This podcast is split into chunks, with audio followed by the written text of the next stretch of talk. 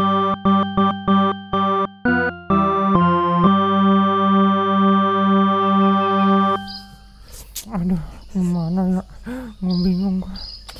Ngapain lagi ya? Aduh kok gue ngeliat lo sedih gue ketawa ya Kenapa? Lu tega banget sih lu kan sama gua Gak kan? apa-apa kayaknya sedih mulu lu Lagi hidupnya lu pusing gua, pusing. Kenapa? Minum bodrek dong kalau pusing Iya juga ya, iya juga ya. Enggak, pokoknya gini, gua tuh lagi pusing nyari kerjaan susah era pandemi begini. Cuma beberapa teman gua ngomong, udah lu mulai bisnis aja. Nah, gua bingung mau bisnis apaan. Nah iya itu betul bisnis lo Bisnis ada sih Ya kasih ide dong buat gua. Apa kan?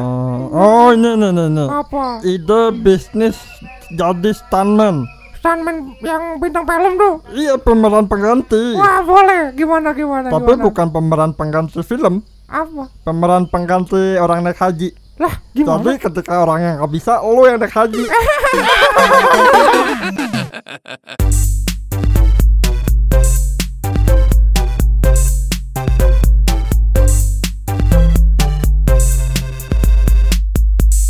One two three four, close the door. Open the door. Mirip dengan podcastnya yang ada di YouTube. Eh, podcast kendor. Kembali lagi di podcast Om Deddy. Ya, Eh. silakan Om Deddy masuk. Gak ada. Tapi nggak ada. lu eh gua kalau ngomongin podcast itu ya, Eh. eh, Om Deddy ya, Hah?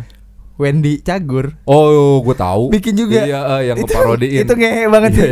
Gue sebel nontonnya. Tapi bentukannya dia dia coba bikin sama. Tahu kok gue, studionya bahkan mirip banget Iya itu. nyebelin habis. Ya, gimana ya? Menurut itu persaingan kali ya? Yang video terakhir kan Deddy Kobusier kan Undang. ngobrol sama Demian Aditya ya. Oh, oh. Terus diparodiin sama Wendy, ngundangnya siapa? Bopak Castello.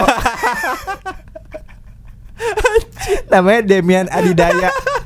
Itu gua nontonnya Anjing bopak terhibur sih. Castello. Gua bilang anjing nih Wendy. Tapi emang dia izin dulu. Itulah, podcast kendor aja masih terhibur dengan podcastnya Om Deddy. Ah, Gue yakin orang-orang yang dengerin podcast kita pasti nggak terhibur Karena Mending- banyak yang lebih menghibur mending milih nonton itu ya. Aduh lu kenapa bersemangat banget sih kayak orang sugeras Emang lu abis makan yang manis-manis? Iya nih gua habis makan Tim's Donut. Widih Apa tuh Tim's Donut? Donat. Oh.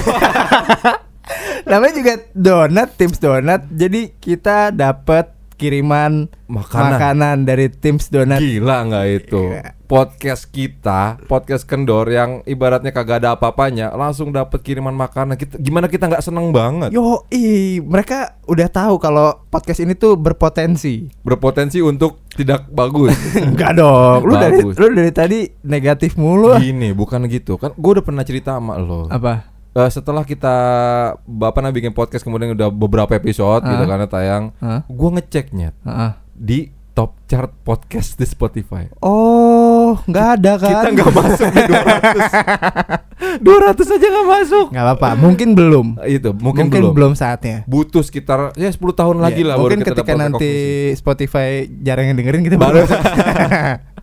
Tapi Nah. makasih banget nih buat tim Donuts ya. Ya bikin kita jadi lebih mood, kita jadi lebih semangat. Donatnya enak banget. Donatnya bulat banget. Lu mesti follow Instagramnya di @timsdonat. Oh iya. Tuh, nanti lu kalau mau lihat juga, lihat juga dong di podcast kendor. Itu di situ kita makan Tim's donat yang sungguh nikmat itu. Wih gila. Eh, tapi lu kepikiran nggak?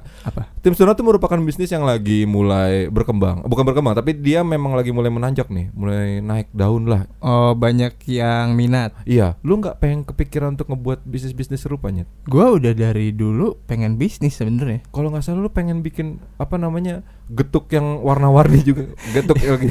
Itu udah ada. yang yang getuk didorong, emang warna-warni. yang didorong kan. iya. Terus eh, apa namanya? musik. Soundtracknya lagu-lagu dangdut koplo itu kan. Itu loh yang beda sama daerah gue tempat tinggalnya. Emang di daerah tempat lu gimana? Sekali gue dengar getuk di tempat gue jualannya nggak pakai dangdut, Pakai apa? Linkin Park. Anjing. gue bikin juga nanti kalau misalkan getuk eh, lagu-lagunya gue puter yang ini apa namanya lagu-lagu folk. Yeay, udah gitu kualitas suaranya kayak kualitas suara di teater. Yoi. Around you. Yo. Wede, Yang beli nanti penikmat senja. Anjing, keren ya. mengejar pasar-pasar remaja ya. Tapi emang gue tuh kepikiran sih buat bikin bis- bisnis ya selain Heeh. gua kerja gitu ya. Heeh, kita kan udah mulai umur kalinya tuh. Karena harus punya pijakan ya. Asik. Lu nggak serius, bisa serius. lu nggak bisa menggantungkan hidup lu terus Heeh. eh, di kerjaan yang emang lu masih kerja sama orang lah Berarti lu intinya ada kekhawatiran juga gitu. bukan kekhawatiran tapi lebih kayak tindakan preventif Oh, apalagi antisipasi. keadaan sekarang ya kak Itu dia sih. Memang gue perhatiin juga banyak banget bisnis-bisnis bermunculan di era pandemi. contohnya apa aja Ya macem-macem. Itu yang kayak ya ini kayak Tim's Donut juga kan menurut gue Ah. lagi tumbuh. Terus kemudian banyak makanan-makanan yang mulai tumbuh lah kayak snack-snack apalah. Lu tuh snack kan ular. Tahu, iya. ular, ular. Atau kayak yang baru nih kayak sate daging armadillo. Waduh, itu bakarnya berapa lama? Tahu kulitnya ngeliatnya susah. Sama ini apa? Masker. Oh iya, bener. Masker banyak yang unik-unik kan ngejualnya desain ya. Oh iya benar. Mereka sama kualitas si kainnya harus- ah, gitu. benar. Ada ventilasinya, ada heatsinknya. Ada, gua kemarin ngeliat masker bentuknya ini bolongan, bool. Anjing. Bete nggak lu? Geli, geli banget parah. Jadi lu pasang di mulut, Heeh. tapi lu ngeliat pantat. Tapi soal pijakan yang barusan lu bilang, lu berarti memang kepikiran untuk starting your business dong. iya betul, karena gimana ya? Gua merasa gua punya limit tertentu. Gua kerja sama orang. Iya, benar. Gue juga sih ngerasa Gua begitu. tuh pengen jadi orang yang ngasih kerja. Oke, mucikari bisa kayak gitu. Kamu besok ke sini ya. Besok ke situ ya. Jadi berarti kayak Sebenarnya Ya. pertanyaan lu apa? Broker aja. Itu kan bisnis juga. Iya, bener sih. Bener kan? Setuju gue, setuju gue. Dia itu bisnis juga. Yang udah udah lu terapin juga kan? Kak? Ngapaan? Gak ada anjing. Lu kan kadang suka ke Wonosobo. Ngapain jual beli jin Sukabumi, ya? ya kan? Kayak gitu, gue udah udah memikirkan sih pengen bikin bisnis sendiri. Contoh deh yang lagi ingin lu mulai garap apa idenya? Ya, gue ngikutin ini dulu yang kesukaan gue dulu. Oh bener, bisnis itu harus berangkat dari hobi ya. Iya. Maksudnya minat minat. Ya minat. Ah. Nah, lu kan minatnya ngumpulin koleksi bokep kan? Iya, Nah. jadi gue jualan di Glodok gitu ya, kan. Iya, ya ngapain ke Glodok sekarang kan udah banyak. Online. Iya, jual-jual. Itulah. Lu mesti 150k bisa dapat jualnya harddisk anjir. Iya.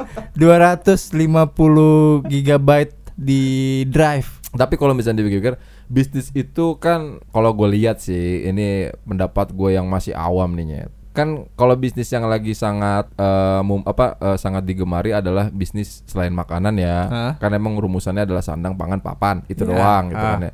Tapi yang gue lihat Enggak kan dong, tambah satu lagi. Apa? Sandang, pangan, papan, casan. Ya. Kok casan sih? Lu butuh casan nggak? Gue tanya sekarang, zaman sekarang. Iya sih. Hah? Lu kan buat Orang di mana-mana, eh, ada colokan nggak? Iya bener sih. Ada colokan nggak? memanage memanage melalui mobile phone. Gitu. Ah, Cuma rata-rata orang pasti bisnis ke serba praktis. maksudnya? Macem-macem ya maksud gue ketika kayak ya dengan ada kayak jual beli tongsis lah tongsis kan juga bikin lu praktis untuk foto misalkan gitu kan Hmm. ya ya kayak yang udah besar sekarang kayak driver online itu kan juga sifatnya kan praktisnya mempermudah hidup manusia Oke. itu maksud gua. Jadi apakah lu ingin membuat bisnis yang sedemikian rupa atau memang bisnis yang lain gitu. Atau misalnya kayak lu importir cewek-cewek Uzbek misalkan gitu kan. lu ketawanya nggak usah sepi begitu. Enggak, kenapa lu selalu menganalogikan gua ke arah sana. ke arah sana? gitu? Ya karena memang menurut gua lu expert di bidang itu. Kalau kalau gua kan kalau gua kan teknologi. Wih, kayak gila. Pengen bikin aplikasi, Aplikasi. gitu kan, aplikasi baca Quran dan tajwid yang benar. Ih, Oh, gua kalau itu juga gua mau gua apa? bikin aplikasi buat mewakilkan orang-orang membaca Al-Qur'an. Oh, oh, mewakilkan ya? Iya. Bukan kamunya ya? Jadi kalau misalkan nggak bisa yaudah sini bisa di gua ya gue yang Hmm. bacain gitu. Lu bisnis apa tapi Nyet, yang ada di otak lu? Gue bahkan pernah saking denger ekstrimnya nih ya. Hmm. Bebek aja ada di yang di bisnisnya. Ya banyak. Tapi bebeknya sorry tuh saya khusus untuk seks gitu. Ih, parah ya. Bebek apa? Jadi yang gue pernah ngobrol. Itu bukan bebek kali. Itu Enggak, gue beneran. Jadi gue pernah ngobrol sama jatuhnya jurnalis jurnalis TV gitu lah, Ah. jurnalis orang Kompas TV namanya Mas Maman. ah, Dia tuh ngomong di lapas-lapas ah, ah, para napi itu kan nggak bisa nyet Ah, ah. memuaskan nafsunya mereka. ah. Bahkan ada yang kepala lapas apa namanya menjadikan itu sebuah bisnis melalui bebek. Ekstrim ya? Ekstrim nggak lu? Anjing ngilu, ngilu. Ekstrim gak lu? Jadi bahkan harganya beda dari bebek yang kalau lehernya dipatahin dia ngunci sama yang kalau dipatahin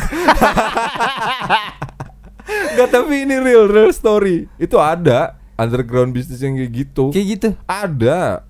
Buat men. ini buat apa namanya? Dimasukin ke mulut bebek. Eh bukan lah.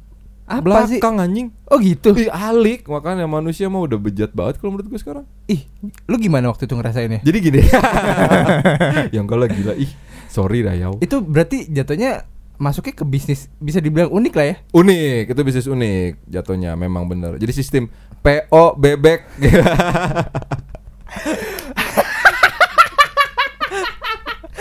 PO bebek spesialis monon.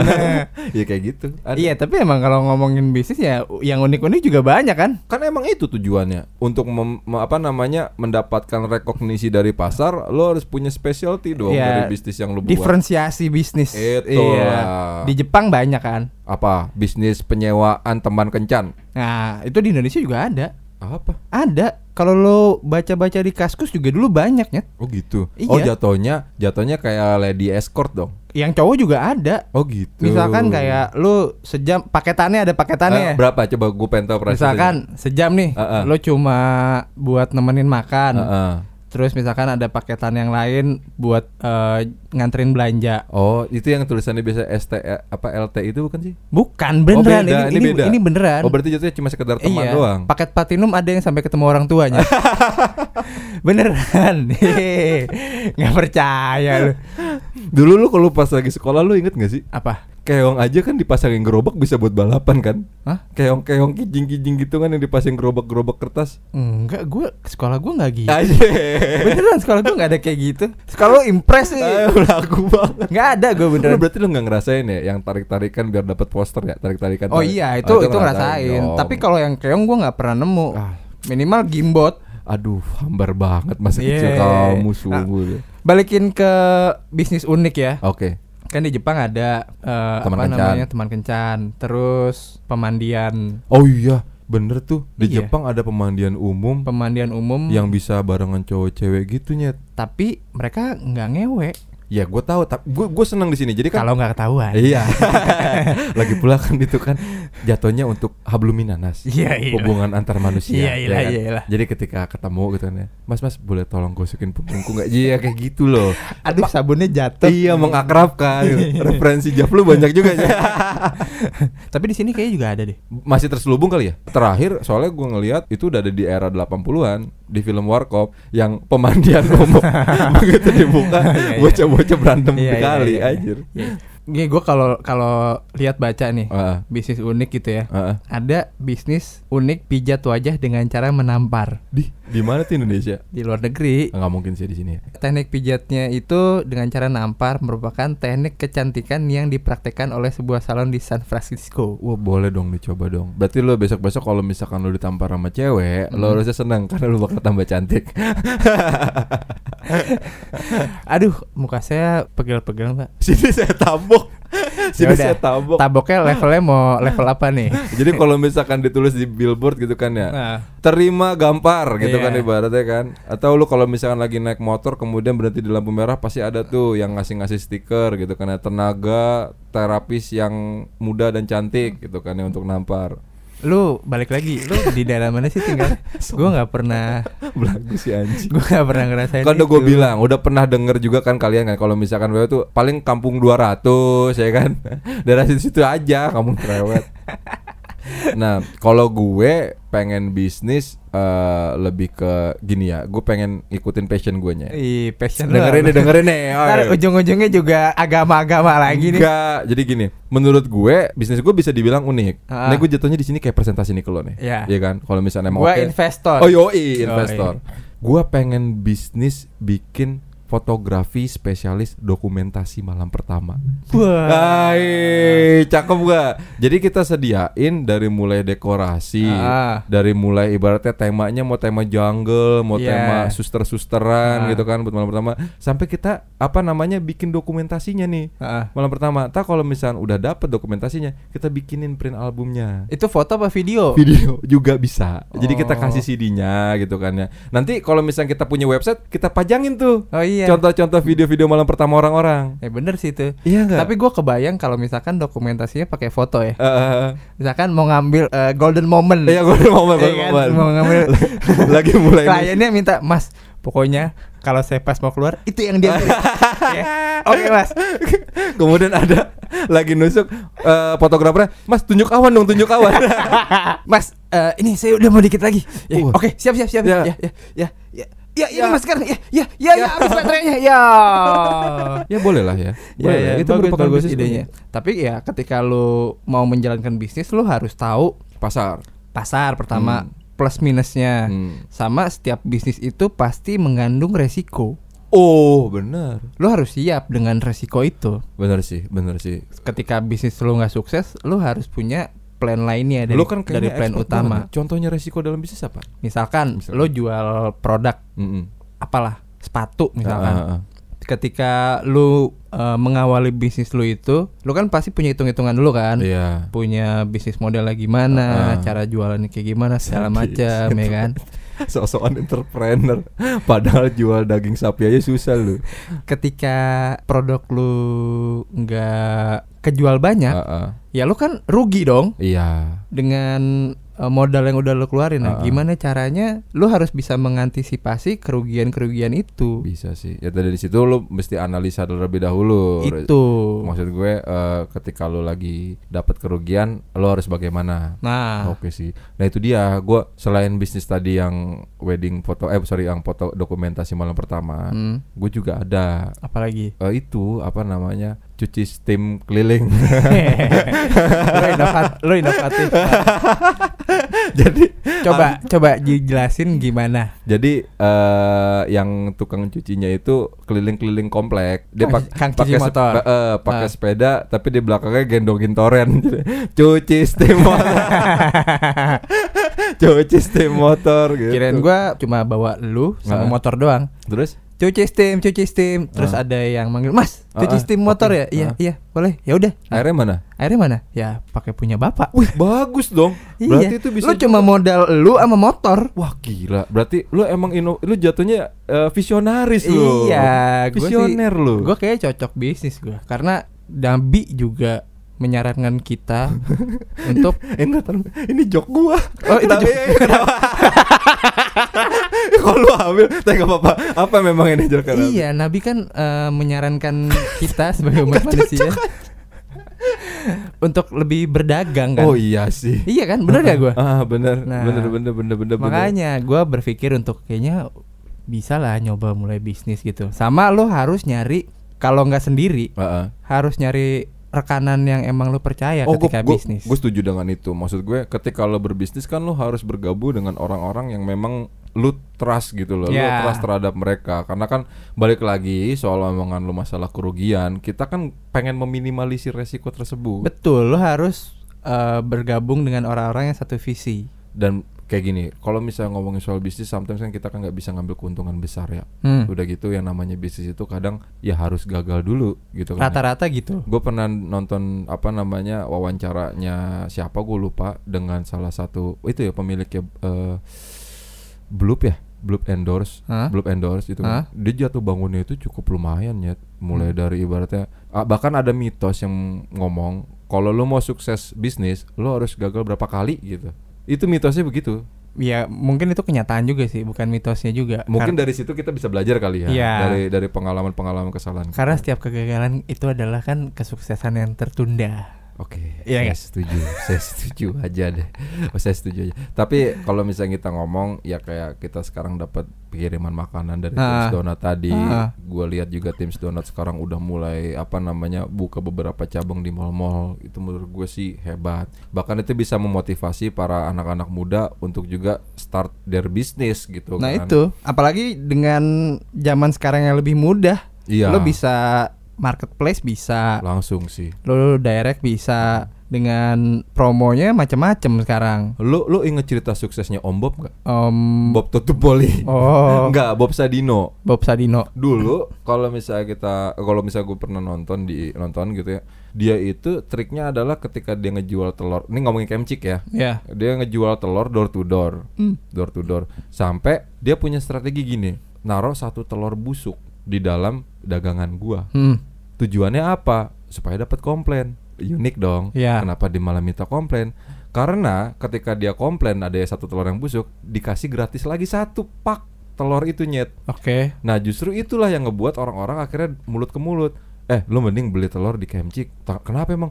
Kalau ada telur busuk dapat satu lagi. Jadi Wah. keren gak tuh? Cerdas Strat- banget ya. Strat ya itulah makanya orang sukses ya punya strategi masing-masing. Mungkin tuh zaman dulu kalau zaman sekarang Mm. misalkan ada produk yang jelek, anjing nih apa sih ini produk satu. bebu gitu Itu kan. parah sih. Net- Iya kan. net- Netizen zaman sekarang udah emang parah sih. Tapi itu idenya brilian sih. Brilian. Om Bob ya. Brilian. Gitu Misa- ya. Misalnya begini, lu buka jasa pemuas lah misalkan lu buka jasa pemuas. Hmm? Kalau misalkan ternyata nggak puas, garansi main lagi.